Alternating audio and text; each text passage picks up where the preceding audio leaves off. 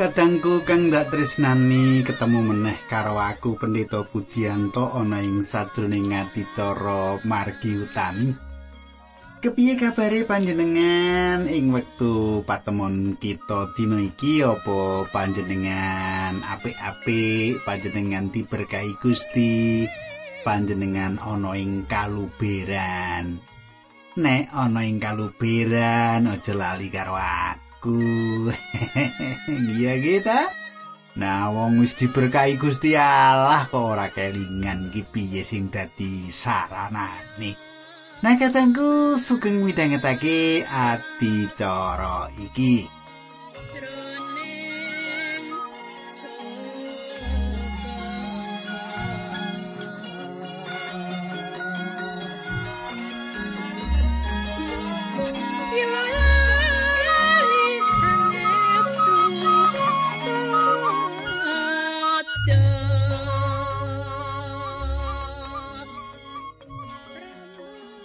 Kataku kang tak tresnani ing adicara kepungkur kita wis nyemak apa sing tak andharake yaiku nggone netepake Harun dadi imam. Kanthi cara sing ngiram-iramake. Panjenengan isih kelingan yo? Saka kayu sing mati tekene Harun metu semine. Utawa nek basa sing rada dhuwur metu perdapane. Nuli metu kembang. Lan nuli metu woe. Nah, terus kepiye katangku? Monggo disemak. Nanging sadurunge tak teruske kita ndedonga dhisik. Monggo kita tunggul, kita ndedonga. Kanjeng Rama ingkang ada wonten kraton ing kasuwargan kawula ngaturaken gunging panuwun menawi wekdal menika kawula saged tetunggilan malih kalian sederek-sederek kawula ingkang setya tuhu midhangetaken adicara menika. Kawula nyuwun Gusti berkahi adicara menika lan sedaya pangandikan paduka saged dados kegiatan lan panglipuran saha menawi wonten ingkang sakit Gusti kanthi pangandikan sawa pangandikan paduka saged saras kados winyuni.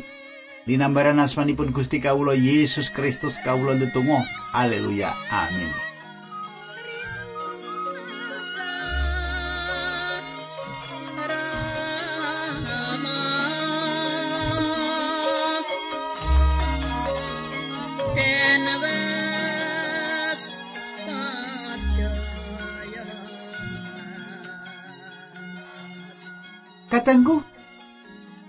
Adicara iki ing adicara iki kita bakal ngegilut ya kuwi bab 18 lan 19 saka kitab bilangan apa katengku kita bakal sinau bakal naliti pasal 18 lan 19 saka kitab bilangan Nek panjenengan wis nyawisake kitab suci, apik banget. Wilangan 18 ayat 1. Gusti Allah ngendika marang Harun, Harun, kowe lan anak-anakmu sarta wong-wong Lewi kudu nyangga sakaing kaluputan sing magepokan karo kemah suci kene. Nanging mung kowe lan anak turunmu wae sing nyangga kabeh kaluputan sing magepokan karo tugas kaimaman.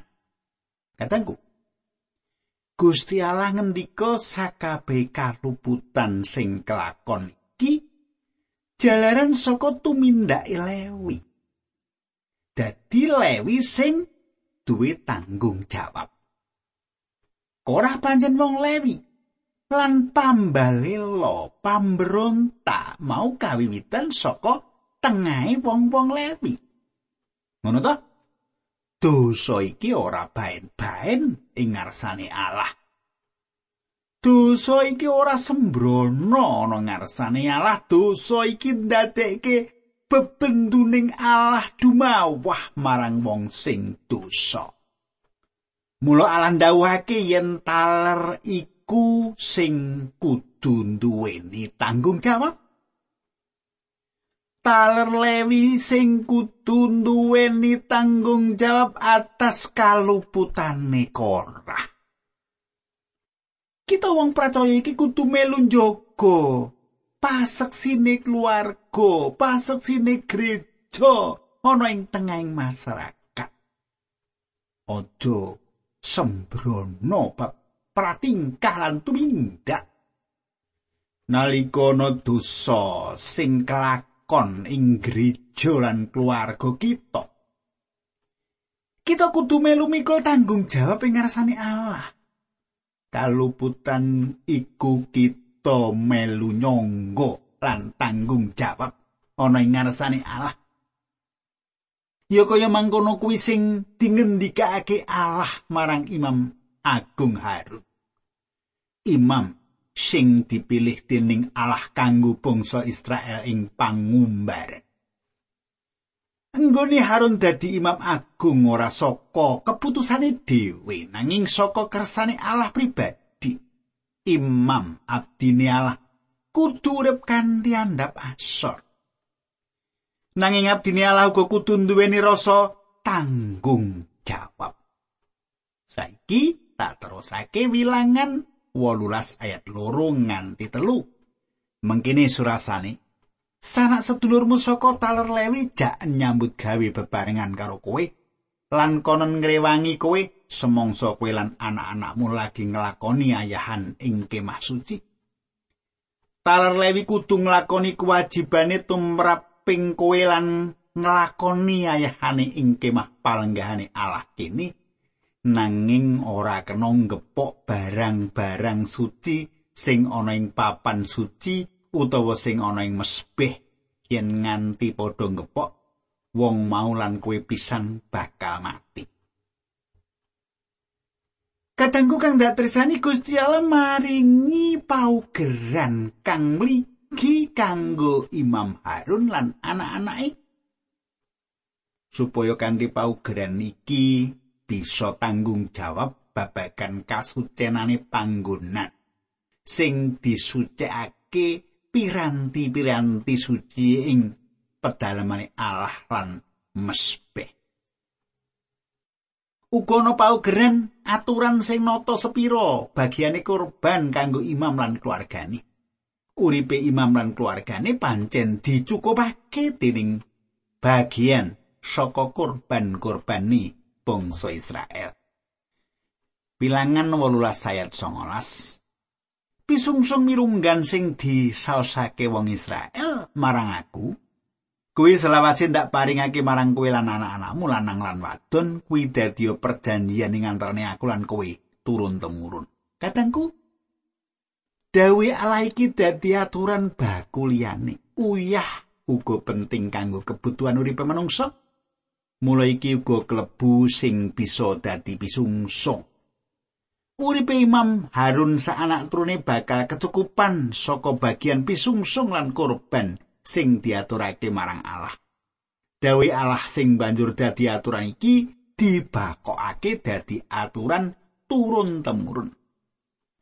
Saiki ayat 30. Gusti Allah uga ngendika marang Harun, "Kowe padha ora nampa warisan apa-apa. Kowe padha ora nampa panduman lemah saka tanah sing dijanjekake.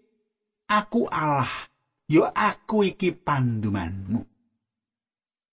Katanggu Imam Harun lan Taler Lewi ora etuk bagian saka panduman lemah mau. Taler Lewi kabeh iki ora etuk bagian kanggo digarap kebon anggur utawa tanah kanggo tetanen.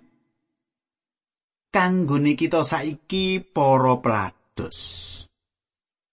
Pendeta penginjil ing gereja kita dewi-dewi kudu dadi tanggung jawabe kabeh warganing pesamuan. Para pelados iki wis padha nyiapake pangan kanggo karohanan kita, mula kita warga jemaat uga kudu kosok balene. nyiapake kabutuhan uripe para pelados iki. Para pelados iki ora duweni wektu meneh kanggo nyambut gawe liyane, mula iki perlu dadi kawigaten kita. Ana sawetara para abdine Allah jalaran ora diopeni kanthi becik dening anggota jemaate, banjur padha ninggalake peladosane golek pegawian neng jaba kanggo nyagaki uripe aku tau ketemu kadangku ana pendeta ngojek ana pendeta dagang bakso lur pesakmu ane iki kepiye lah wong pisungsung ijek mlaku 500 rupiah kok kepiye satu sane jek ije ana kok piye? Kadangku nyedihake. Yen lakune peladosan ora beres. Gereja bisa kena akibate mulo kanthi aturan sing didhawuhake dening Allah imam lan keluargane saka taler lewi bisa urip kanthi becik awit pasamuan Israel wektu semono ngatekake uripe taler lewi iki Katenggu sepisan maneh tak aturake marang panjenengan pasamuan iku kudu bisa ngopeni ngrumat pendetane. Kanggo pesaman sing isih cilik sing anggotane durung akeh urip pendetane kudu duweni iman sing kenceng. Para pendeta imane kudu teguh. Janji lan timbalane Allah marang para pelados iki bisa dadi landesane urip keluargane. Coba to panjenengan semak unine Mazmur 16 ayat 5. Duh Allah, sedaya gadan kawula namung wonten ing paduka. Paduka maringi samukawe sing kang kawula betahaken nasib kawula wonten ing asta paduka. Katengku indah. Indah banget yen bisa ngrasakake pangrimat panjangkunge Gusti Allah. Lantalar lewi iki dipapanake dening Allah dadi wong-wong sing diupakara, dirumati, dijangkung dening Allah kanthi bagian kurban causan saka wong-wong Israel. Urip kanthi sumindhe iman marang Gusti Yesus iku perlu ing urip kita. Yen pancen-panjenengan wis ditimbali dadi abdine Gusti, sumindhe karo Gusti Yesus iku perlu lan penting lan utama. ana urip panjenengan kabeh. Ning aja lali warga besaman kudu dadi lantaran ngopeni para pendeta lan penginjili panjenengan kabeh. Wilangan 18 saya selikur nganti trulikur mengkini surasane panjenengan kateaki. Pangandikani Allah marang Harun kabeh prosepuluhan sing disaosake dening wong Israel marang aku, wis ndak paringake marang wong Lewi kuwi opahe nggone ngrawat kemah suci. Wong Israeliane ora keparang nyedak ing kemah suci supaya aja nemahi mati. Wiwit saiki mung wong Lewi dhewe sing kepareng ngrawat kemah suci lan miko saking tanggung jawab ing ngatasé pegawean mau. Pernatan iki uga kanggo anak turunmu ing selawas-lawasi. Wong Lewi ora bakal nampa warisan apa-apa ana ing Israel. Kadangku mengkono pangandikane Gusti Mengkene yo. Dawe Allah ngendikake yen taler lewi kudu ngladosi pakaryane Allah. Lan kudu dicukupi uripe nganggo pisungsung prosepuluhane bangsa Israel. Iki ateges taler lewi kudu urip sumende ing kamirahane Gusti. Urip kang alandesan kapiandelan utawa urip kang alandesan iman. Pisungsung prosepuluhan bisa kanggo nyukupi kabutuhane para abdini Allah sing padha ngladosi ing pedalaman suci ing kemah suci. Ndak baleni maneh yo, taler lewi iki kudu urip kanthi alandesan iman. Apa para juru khotbah, utusan Injil lan para pegawe gereja uga kudu melu nyangga nyukupi kabutuhane para pendeta lan penginjil ing gereja. Ana panemu yen wong-wong iki ora perlu melu atur pisungsung Israel uripe ditata nganggo paugeran Musa. Senajan kita ora ke bawah paugerane Musa nang kita uga entuk sawab pengaruh sing becik saka paugeran iki dasar-dasar aturan kanggo minggir ngedohi dosa. Saiki wilangan 18 ayat selawi nganti 16 mengkene surasani. Gusti Allah ngendika marang Musa supaya ndawake marang wong Lewi yen kowe padha nampa pisungsung prosepuluhan saka wong Israel sing dadi pandumanmu kowe nyaosno sak prosepuluhe pandumanmu mau kunjuk marang aku minangka pisungsung khusus. Katangku Allah uga ndawake marang talar Lewi kanggo misungsungake prosepuluhan iki tegese apa? Iki tegese sapa wae ora ketang utusan Injil pegawe ing gereja? Sapa wae kudu masrahake prosepuluhan kagem kamulyane Allah masrahake pisungsung kanggo nyukupi kabutuhan gerejane dewi-dewi. Pancen pasal 18 iki pasal sing praktis pasal sing gampang ditindakake malah ana bab-bab sing isi kita tindakake nganti saiki jalaran. Isi tetep cocok kanggo urip Kristen kita.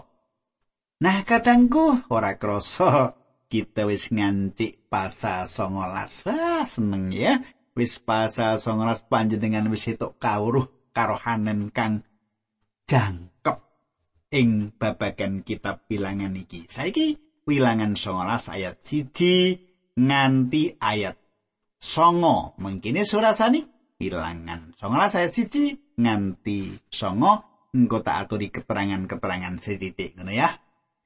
Wilangan songo ayat siji Gusti Allah paring dawuh marang Musa lan Harun supaya gawe pernatan kanggo bangsa Israel mengkini njupuk sapi wedok sing ulese abang tanpa ana cacat lan sing durung tau ditumpangi pasangan panjenengan perso. Mung ayat iki kita temokake lagi ana. Ing ayat iki dipratelake korban nganggo kewan wedok. Biasane lanang, lanang, lanang ning saiki wedok. Tak teruske ayat telu. Kuwi pasrano Imam Eliasar sapi mau kudu digawa metu saka ing kemah banjur disembelio ing ngarepe Imam Eliasar. Imam Eleazar banjur kudu njupuk getih kewan mau sedidik lan dikepyur-kepyurake ing kemah suci nganti ping pitu. Kewan mau wutuh dadi klebu kulit daging getih lan jeroane kudu diobong ing ngarepe Imam Eleazar. Sawise mengkono imam mau kudu nyemplungake ing geni kayu aras lonjor carang hisop. Kados torah. Siji tali sing rupane abang saler. Ayat pitu. Imam banjur kudu ngumbah sandangane lan adus dhisik sadurunge mlebu ing kemah. Ewa semono dheweke isih najis tekan wayah surup. Wong sing ngobong sapi mau ya kudu ngumbah sandangane lan adus awit wong mau najis tekan surup. Katangku pitakonane yaiku banjur kanggo apa korban iku? pitakonane banjur kanggo apa korban iku? Saiki ayat 9. Banjur kudu ana wong sing resik miturut pernatan agama nglumpukake awune sapi abang mau didokokake ing panggonan sing resik miturut pernatane agama ing sanjabane kemah. Awune sapi abang mau disimpen ana ing kono disediakake karo banyu pasucen kanggone semasa umat Israel nganakake upacara pangruwating dosa. Pitakonane kepriye carane nganggo? Coba panjenengan kateke ayat 17 nganti ayat 19. kanggo ngresiki awake wong mau kudu njupu awune sapi abang sing wis diobong kanggo pangruwating dosa dilebokake ing kendi dijeni banyu anyar yen gepok mayite wong sing mati ing sadroning kemah kuwi carane mengkene kudu ana wong sing resik miturut pernataning agama njupuk carang hisop siji carang mau dicelupake ing banyu suci sing ana ing kendi mau banjur diciprat-cipratake nganggo hisop mau ing kemah lan wong kabeh sing ana ing kemah kono. Yen sing digepok mau mayite wong sing dipateni utawa sing matine ana ing tegalan utawa yen gepok kijing utawa balungi wong mati kudu ana wong sing resik miturut pernatane agama nyiprat-nyipratake banyu suci mau marang sing padha najis kuwi kudu ditindakake meneh ing dina katelu lan kapitune lagi sawise dina sing kapitu upacara pasucen mau rampung wong-wong sing padha najis mau kudu padha ngumbah sandangane lan adus sawise wayah surup wong-wong mau wis resik meneh. Katengku iki dawuh sing ora lumrah diparingake dening Allah lan rada aneh senajan ana alasane. Nalika ing pangumbaran lan ana ing Israel sing nglakoni dosa, rombongan ora mung mandhek ing kono lan nyelehake kemah suci, nanging kudu ana upacara korban kanggo nebus kasalahan utawa korban pangruwating dosa. Kepriye carane nindakake yen ana Israel sing nindakake dosa kanthi njupuk awune sapi wedok sing abang ulune sing wis sumadyo nuli dicampur karo banyu sing mili banjur kanthi hisop sing dicelupake ngawu mau diciprat-cipratake menyang wong sing dosa. Tak rodane to, nanging iki mau kabeh sing dikersake Allah kanggo ngruwat dosane wong Israel mau. Nalika Gusti Yesus ana ing loteng sawijining omah, bebarengan karo para murid, panjenengane mundhut baskom sing ana banyune nuli miji kabeh sikile para murid. Gusti Yesus saiki wis lenggah ing swarga. Panjenengan isih tetep naleni bangkeane kanthi kain kagem peladusan baskom wadah banyu yaiku sabdane Gusti Roh Suci sing nindakake lan hisop nggambarake bab iman. Yen kita nindakake dosa kanggo nebus dosane Gusti Yesus ora perlu meneh sedo. Siji Yohanes 1 ayat 7 nanging yen kita ana ing pepadang kaya dene panjenengane yo ana ing pepadang Dadi nggon kita padha tetunggilan kuwi nyata lan rai Gusti Yesus Sang Putra nglebur sakaing dosa kita. Kadangku tembung padang iku sabdane Gusti. Yen kita urip ing pepadang, apa sing bisa kita deleng? Sakabehe sing reget ing badan kita bisa kita deleng, ya ta? Lan kabeh mau perlu diresiki, kadangku, perlu dikumbah. Roh suci Allah nedake kabeh dosa-dosa kita. Nanging sabdane Allah ndawake yen rai Gusti Yesus tansah jagi kita supaya kita urip tetep resik saka pakartine dosa. Mula banyu sing nggambarake sabdane Allah kudu terus ana ing urip kita.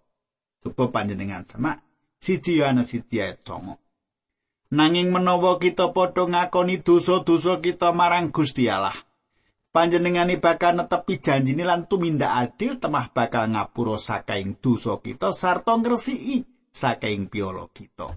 Katengku Gusti Yesus sedo supaya kita manungsa kawilujengake lan panjenengane njagi kita saka swarga supaya ora rontok iman kita.